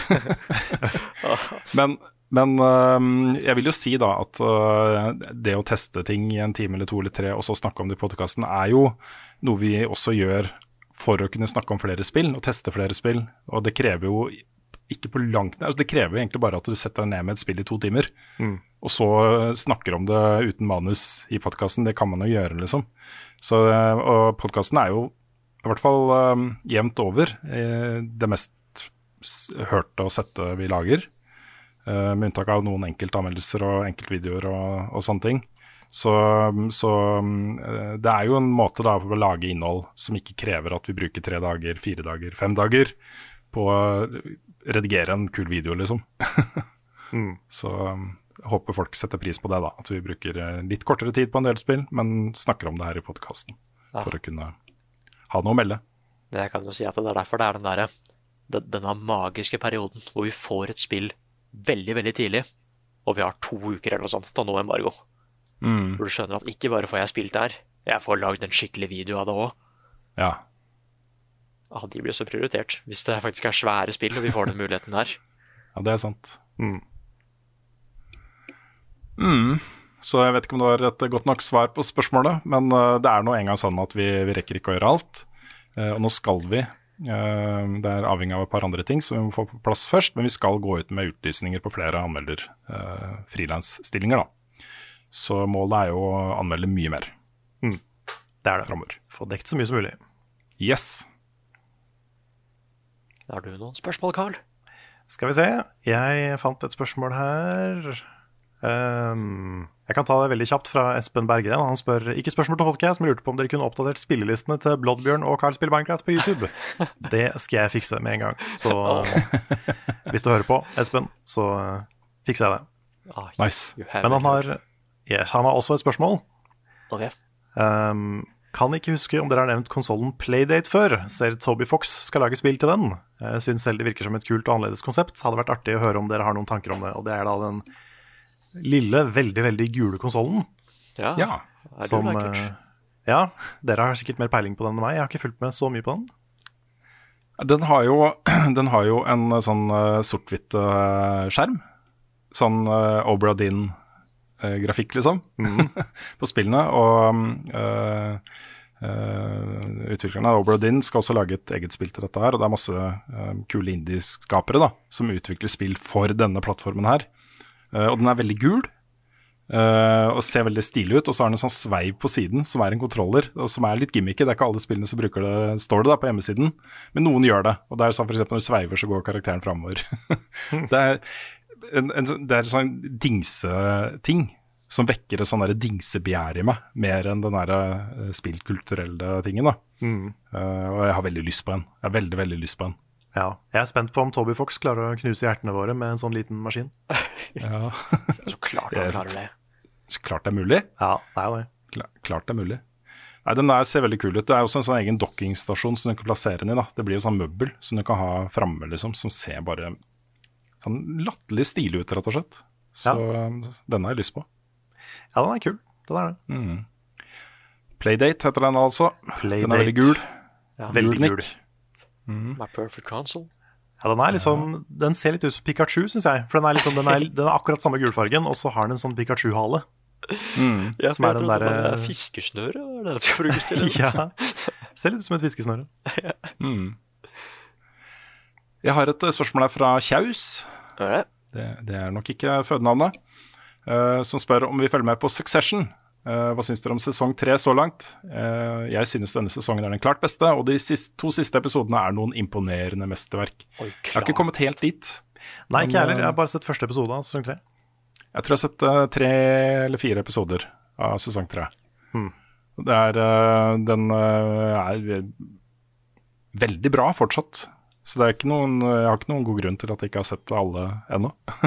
Ja, ja. Annet enn at jeg ble litt bergtatt av, eh, av Ted Lasso og Mm. The Morning Show. Det er Så, jo, så den skal ses, altså. jeg må liksom være litt i humør for Succession. Jeg må være Ja. i humør for å se en serie om bare usympatiske mennesker jeg ikke liker. Ja, Carson Greg. Han gjør så godt han kan. Ja, Han gjør så godt han kan. Men uh, resten Ja, Jeg, jeg, jeg, syns fortsatt de rollefigurene er helt fantastiske, altså. Og um, det, er, det er kult, og nå glemmer jeg hva de heter alle sammen. Men han, uh, han som uh, har gått mot resten av familien nå, hva er det han heter igjen? jeg Kendall? Kendall. Ken, ja. Kendall. Den derre selvrettferdiggjøringen han gjør, liksom, og den måten han hauser seg selv opp som en sånn derre eh, korstogridder mot eh, det onde selskapet til faren hans, liksom. Det er så digg å se på! det er så digg å se på. Det er, det er vondt, da. Det gjør vondt å se på, men det er veldig, veldig morsomt også. Så um, det, ja, jeg liker den veldig godt. Altså. Ja. Det er en av mine favorittserier. Jeg prøver å få foreldrene mine til å se på, for jeg tror de hadde digga det. Mm. Men, men den, er så, den er så tung å komme inn i. Ja. Ja, er den det? Ja, jeg syns det. For jeg, Ja, jeg husker at liksom De første episodene var bare Ja, det er jo ikke dårlig, men jeg føler at den serien plutselig ble dritbra. Ja. Mm. Det var en sånn Nå holdt jeg på å spoile hvilken episode det var, men det er et møte, husker jeg. Som spesielt møte som skal få liksom bestemme hva som skal skje med firmaet og sånn. Mm. Og et par folk i det firmaet. Og da husker jeg bare Oi, dette, nå ble det faktisk dritbra. Og etter det så har det vært kjempebra. Men jeg husker at starten er ganske Særlig hvis du ikke vet noe om serien eller karakteren eller noe sånt. Mm. ja, det er litt sånn Hotell Cæsar skrudd opp til 1000. Ja! Derfor jeg tror mamma hadde likt det. Ja, Ja, hvis, hvis så- mammaen din liker Hotell Cæsar, så hadde du likt Succession. For det er så overdramatisk, liksom. Og, det, Mm. og så liker jeg at de alle er douchebags, liksom. Fordi alle har gode grunner til å få character development og sånn. Og, det- Ja, og så syns jeg bare skuespillet er kjempebra. det er det. Det er veldig, veldig bra. Oh, men, men kan jeg ta et uh, TV-seriespørsmål da? Gjør det. Fra Steamroller Man, som egentlig bare spør Wheel of Time? ja. Spørsmålstegn. Har dere sett Wheel of Time nå? Ikke ennå. Nei. Nei. Uh, fordi det er jo The Game of Thrones Killer. I hvert fall den første, før Ringenes herre og enda en Game of Thrones-serie dukker opp. Sant? Uh, men den her er ferdig, da. Bøkene, i hvert fall. Mhm. Og, og bokserien er jo kjempesvær. Uh, men jeg syns den er mer Ringenes herre enn Game of Thrones. Og det er litt digg. En faktisk Tenk om de fantasy. må Hæ? Ja, Tenk om de må kansellere den her TV-serien før det er gjennom innholdet i bøkene. Oh. Det kan fort skje. Ja, det kan fort skje. Mm. ja, for Må bli, første må, må bli svært hvis ikke det skal skje. Ja, fordi det er det jeg håper litt at det blir, da. Fordi den første sesongen er tydeligvis den første boka. Som er sånn du skal gjøres. Mm. Uh, også en sånn serie som var at dette var veldig fantasy for meg, fordi jeg forventa litt mer Game of Thrones. Sånn der dark fantasy medieval setting. Uh, var ikke helt solgt på episode én, men i episode to så tok det seg veldig opp. Og nå er, jeg, nå er jeg veldig spent hver uke for å se mer. Å ja, kan jeg si en ting om den serien? Som jeg plutselig innså da jeg så den. Jeg syns uh, Jeg er veldig glad i sånne fantasy-serier på TV og sånn, men jeg blir så irritert når ingen av dem får til magi og sånn. At det, ser, okay. det ser så lite ut og skrøpelig ut når de bruker magi. Ah. Mhm. Samme liksom Spesielt med Supernatural. Bare ja, her har vi Satan, da. Mot en gjeng med engler og sånn. Men de fortsatt slåss med henda. Fistfighter, liksom. Det er jo Ah. budsjettgrunner og sånn, men jeg føler at det, dette er en serie hvor magi faktisk var ganske kult. Det var litt svært og spektakulært, liksom. Ja, litt sånn forspoken. Litt sånn forspoken. Det var Nice. Sånn, jeg jeg syns Witcher var kult òg, men det var litt De sa at magien skjedde, men vi så det ikke så mye, på en måte. Nei. Jeg holder på å knuse hjertet ditt. Å ja, du gjør det. Au, jeg kan ikke se det, men du gjør det. Sånn type magi. The Force, Mm. liksom. Men her så er det liksom Du skjønner hvorfor disse Her er det bare damer som kan bruke magi. Du skjønner hvorfor de er litt skumle. Hmm. Så det, det likte jeg veldig godt. Og jeg er veldig spent på hvor det faktisk går hen. Fordi jeg syns historien var kjempespennende akkurat nå. Mm. Ikke var, den er fortsatt kjempespennende.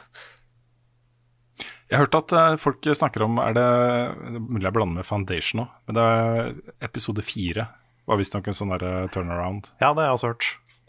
At det er liksom den, det er da det tar seg opp. Ja, for Mm. der, der skjedde det noen ting. Ok Det Nei, fordi vet dere hva den handler om? Nei, det er jo et hjul, da. Ja, det- Tid og noe sånt. Det er Tid og sånn, ja. Ja, det er at det er et hjul, og hver gang så er det en eh, I hvert fall i, i hvert hjul så er det en som blir født som blir kalt The Dragon. Som er en skikkelig sånn powerful person, eller entity. Og da handler det liksom at uh, hva som skjer med denne personen, kommer til å påvirke resten av dette av det som skjer i denne perioden av The Wheel of Time. Så, så da har både liksom The Dark Lord lyst til å rekruttere denne personen, og så må den gode sida prøve å gjøre det samme.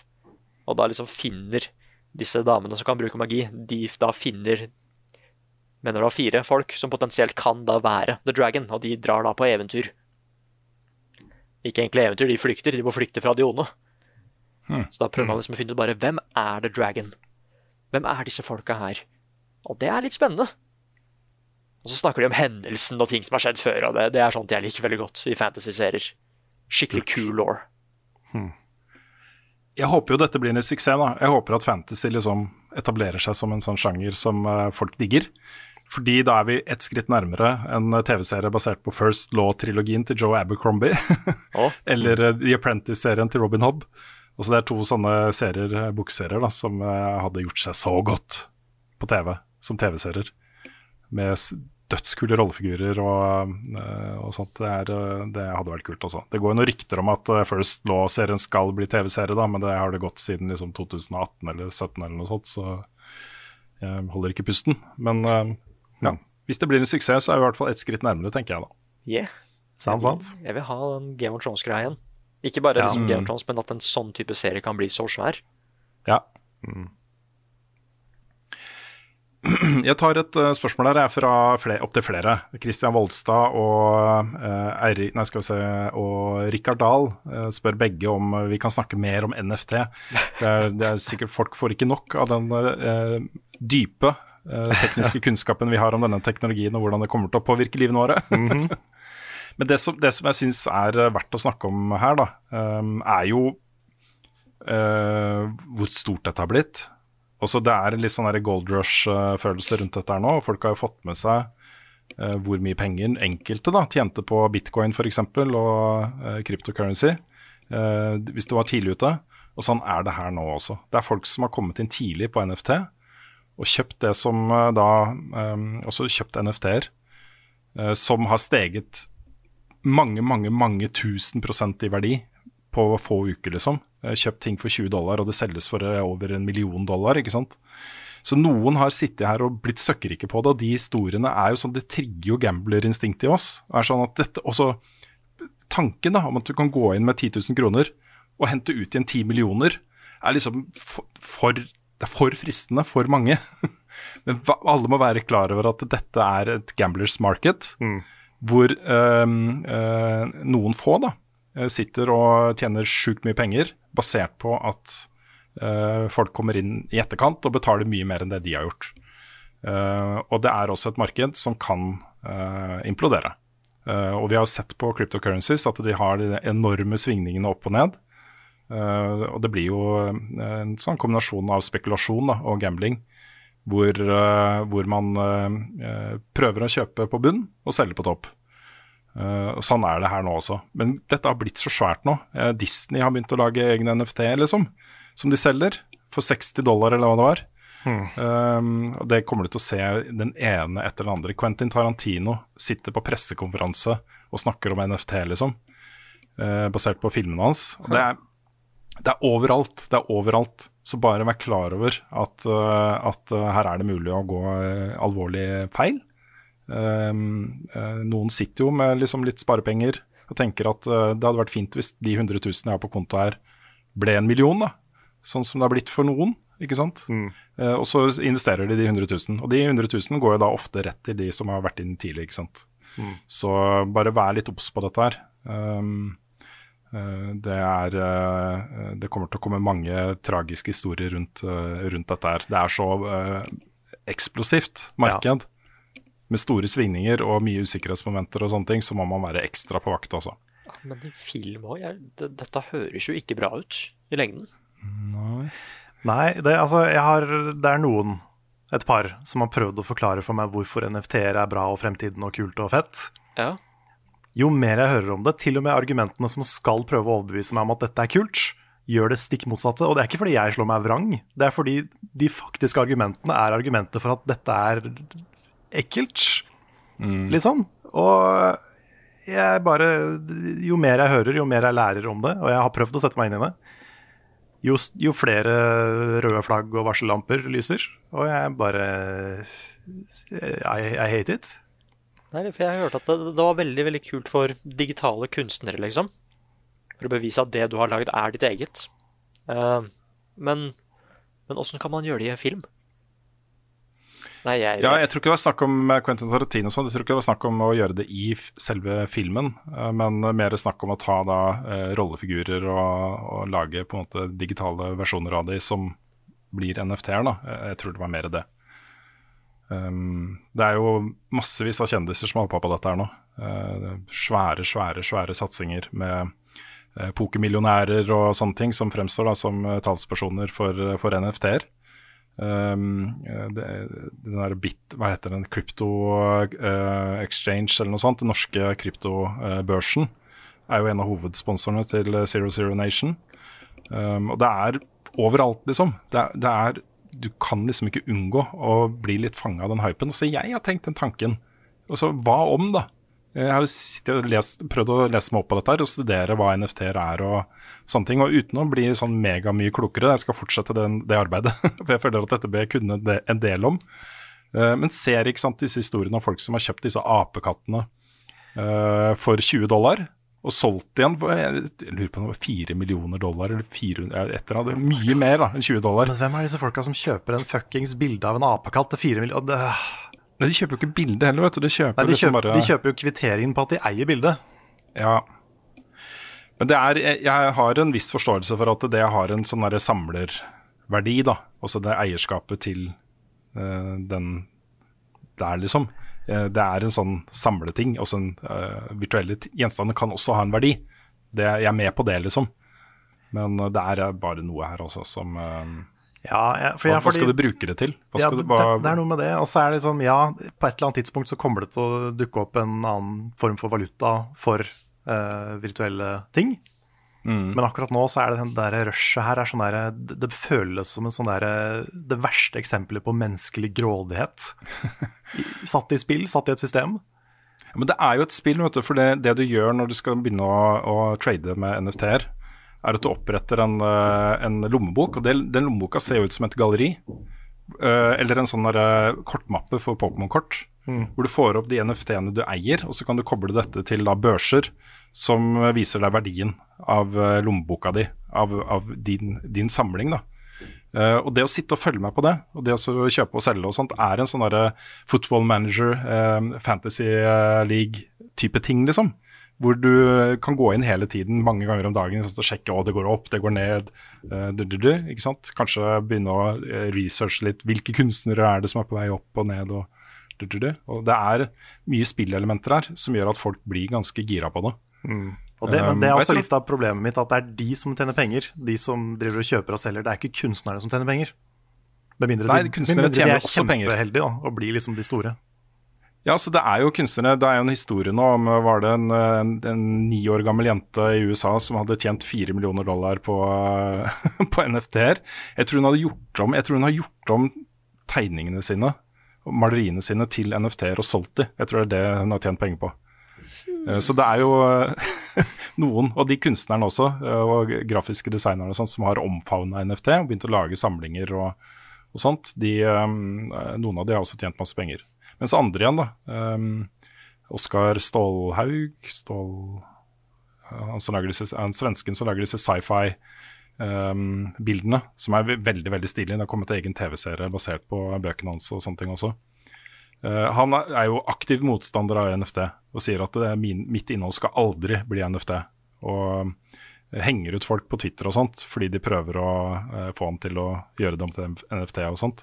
Og det er mange av de, da. Det er mange kunstnere som tar aktivt motstand fra dette her og kaller det en, en sånn grådig kommersialisering av kunst som ikke hører hjemme i kunstens verden i det hele tatt. At dette er liksom bare penger, da. Um, så ja. Men um, jeg er veldig spent da på utviklingen, på hva som skjer i årene framover. Fordi uh, denne bobla her da, kommer jo liksom i kjølvannet av mange andre cryptocurrency-bobler som har vært Altså Dodge, eh, Dogecoin og eh, bitcoin og alle disse som har liksom uh, vokst og vokst og vokst inn i himmelen. Og så sunket igjen, og så vokst igjen. Dette er en sånn ting, tegn i tiden. da. Vi er jo over i en digital verden. Også alt er jo digitalt, og ehm, ja, etter hvert så, så vil jo mer bli digitalt. Så um, bare å følge med her. Men uh, vær på vakt, folkens. Det er egentlig det eneste jeg ville si. Bare det, da. Ikke bruk alle sparepengene dine. Og skal du begynne å investere i NFT-er, så prøv å sette deg litt inn i det og uh, vit hva du gjør. Og ikke bruk penger du ikke har. Eller uh, penger du har tenkt å bruke på hus eller, uh, eller uh, klær til barna dine, eller Ja, og pass også på liksom eh, miljøforbruk-delen av det, for der er det også mye opp og Mm. ned. Noen er verre Ja. enn andre, men, eh, men ja. Ja, akkurat her så er det ikke noe mining på samme måte som det er med, med cryptocurrencies. Nei, Men, uh, nei, men det er jo noen NFT-er som er ekstremt miljøfiendtlige, så er det noen som er litt mindre. mm. Nei, det får dere nok for denne gang. Ja. Har, eh, kan vi ta ett spørsmål til, og så runde av, kanskje? Okay. Uh, hvis ikke dere har mer, da. Uh, men jeg tar i hvert fall et fra Markus Kvangraven uh, her, som har stilt et spørsmål på Discord-serveren vår. Og Markus spør da, vurderer dere å komme på nye plattformer, som f.eks. TikTok, for å kunne nå ut til flere ulike, ulike målgrupper. Og ja, det gjør vi. Det gjør vi. Ja, jeg har registrert en level up-konto på TikTok. Um, men um, vi må Hvis vi skal ut der, så må vi jobbe litt med formatet. Rett og slett. Og ha tid da, til å følge det opp. For det er ikke noe vits å lage en TikTok-konto og begynne å legge ut én video. Og så den neste videoen du legger ut, er tre måneder seinere hvor du beklager at det ikke har kommet flere videoer. som, som mange gjør, ikke sant. Så, um, så vi må ha en eh, veldig eh, formulert plan da, for hva vi skal gjøre der. Men jeg tror, jeg tror vi kunne gjort det kjempebra på TikTok. Det kan hende. Det er en plattform Mm. jeg kan ekstremt litt om, må jeg innrømme. Men uh, hvis vi på en måte får satt opp et system hvor det er lett å øh, fylle på med nye ting, så um, Mm. er det fullt mulig å få til noe. Det er noen av disse TikTok, for jeg, jeg er jo innom TikTok daglig. Det er så mye kule videoer. Jeg sender jo dere noen i private chatten vår og sånne ting. Det er mye bra videoer der, da, mye bra innhold uh, mellom alt søppelet, liksom. Um, og det er jo noen av disse folka som dukker opp innimellom som sånn jevnlig liksom over lang tid, da. Så uh, i starten så var de liksom veldig energiske og fulle av pågangsmot og veldig sånn derre eh, på, da. Mens de siste videoene er liksom dratt i ansiktet og liksom merker at dette er noe de gjør for å liksom bare holde det ved like, liksom. Sånn skikkelig creator burnout. Åh, sånn veldig creator burnout. Men fortsetter å lage video, det er litt trist å se, altså. Ja. Så eh, der må man også være litt på vakt, tror jeg, da. Hvis man først blir stor på TikTok eller andre sosiale medier. Det er, uh, kan være litt drepen for uh, skaperglede, altså. Det er sant. Mm. vet ikke om dere har noe mer på hjertet? Nei. Nei, jeg, det var det. jeg finner ikke så mye mer, altså. er i hvert fall ikke Mm, noen det er jo- spørsmål. Jeg er klar for uh, trials i helgen, da, Carl, fordi det er jo Messenger er jo adept-våpen denne helgen her. Det sier meg ingenting. Jeg vil ha en messenger, adept, adept messenger med Desperado. Uh, er liksom, oh, det ja, ja, ja, en sånn en, sånn en, ja. Ja, En sånn, sånn, de, de orda der, ja. Mm. De orda der. Yes, Ja. take it away, Nick. Jeg er et forslag, da. Kan vi bare late som at eh, Frida nå var in the neighborhood, og uh, at hun hadde tid til å både si hei og si den outroen, men at vi egentlig bare tar outro fra et annet sted? Å, jeg bare klipper de fra noe annet. Ja. Jeg, jeg, jeg kan godt det. Nei, fordi, nei, fordi altså, jeg kunne jo ha tatt outroen. Ja, ta outroen. Herregud. Ah, nei, nå, skulle, nå skulle jeg bygge opp tatt det, men så plutselig var det noe okay, mot døra. jeg kan ta outroen. Jeg, vet, Jeg kan ta outroen. klarer du Ok, outroen, ja. liksom? Jeg kan, jeg kan prøve. Hvis ikke så kan Eh, vi putte inn en Frida. liksom. Nei da, jeg prøver. Eh, Det du har hørt på nå, er podkasten Level Backup, som er laget av oss i Level Up og utgitt av moderne media. Eh, Låten i eh, introen og outroen er skrevet av Ole Sønne Klarsen og arrangert og fremført av Kyoshu Orchestra. Jeg er så glad i den låta. Eh, vignettene i podkasten er stort sett da lagd av Martin Herfjord. Jeg la ikke på den fantastiske, la dere merke til det? Gjorde du ikke det? Nei, Det er Frida sier alltid den, den fantastiske Martin Ja, Herfjord. da må du si den utrolige. Ja, den utrolige, den uh, unike, Mm. den vakre Martin Herfjord. Um, og så begynner det å stakke seg litt for meg. Vi, eh, vi lager jo egentlig også masse annet innhold. Det finner du på youtube.com slash levelupnord. Uh, vi streamer ganske ofte på Twitch. Der heter vi også levelupnord. Vi har en Discord-server som heter um, uh, Levelup Norge, er det ikke det? Discord.gg slash Levelup Norge. Det tror jeg er riktig. Mm. Eh, og der har vi partnere, så den skal funke. eh, helt til vi ikke er partnere lenger. Jeg ser det er folk som blir kicka som partnere på Discord, hvis ikke de er eh, aktive nok eller et eller annet. Ha. Mm, så det er en ting. Ja. Vi har ikke gått over til YouTube på livestreams ennå, men det bør vi også tenke litt på. Ja, jeg er litt usikker, fordi Twitch er liksom folks number one-plattform for livestreams. Mm. Det gikk jo litt til helvete da vi var på Hitbox, så jeg, jeg stemmer for å fortsette på Twitch. Ja, jeg er, eh, jeg er på Team Twitch eh, fortsatt, jeg også. Men, eh, men det har jo disse her Espen har snakka mye om det. Disse stories, altså de kortvideoene. Formatet. Og man, hvis man kan se en synergi da, mellom de, livestreams og eh, VOD-innhold, så begynner det å bli liksom flere gode argumenter da, for å holde på på YouTube og lukka inne der, liksom. Så vi må, vi må se på det. Se nærmere på det. Ja. Vi har en merch-shop hvor du eh, nå ikke lenger kan kjøpe tiårsjubileums-T-skjorte. Så gratulerer til alle som fikk tak i den før eh, 1.12.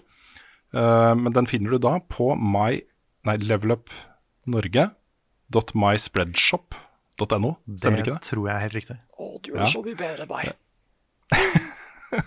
Eh, og så er det da ikke minst uh, mulig å støtte oss på Patreon, og det er grunnen til at vi eksisterer. Vi er snart seks år gamle som uh, indie-selskap, uh, og det er utelukkende, altså ikke bare det, men i hvert fall 95 da, av inntektene våre totalt sett gjennom disse ja, 90, 90 av inntektene våre totalt sett gjennom disse seks årene har vært fra Patreon, og det er grunnen til at vi kan lage denne podkasten, at vi kan ha YouTube-innholdet vårt, at vi kan ha livestreams Yeah. Og at vi kan ha dette som jobben vår, heltidsjobben vår. Så tusen takk til alle som støtter oss på Patron.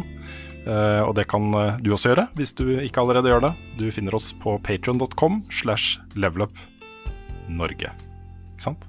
Levelup Norge. Yes. Der. Ja. Og med det så takker vi for oss for denne gang. Neste uke er eh, forhåpentligvis Frida tilbake med en enda stødigere hånd enn det vi klarer å få til uten henne. Så inntil det, på gjensyn.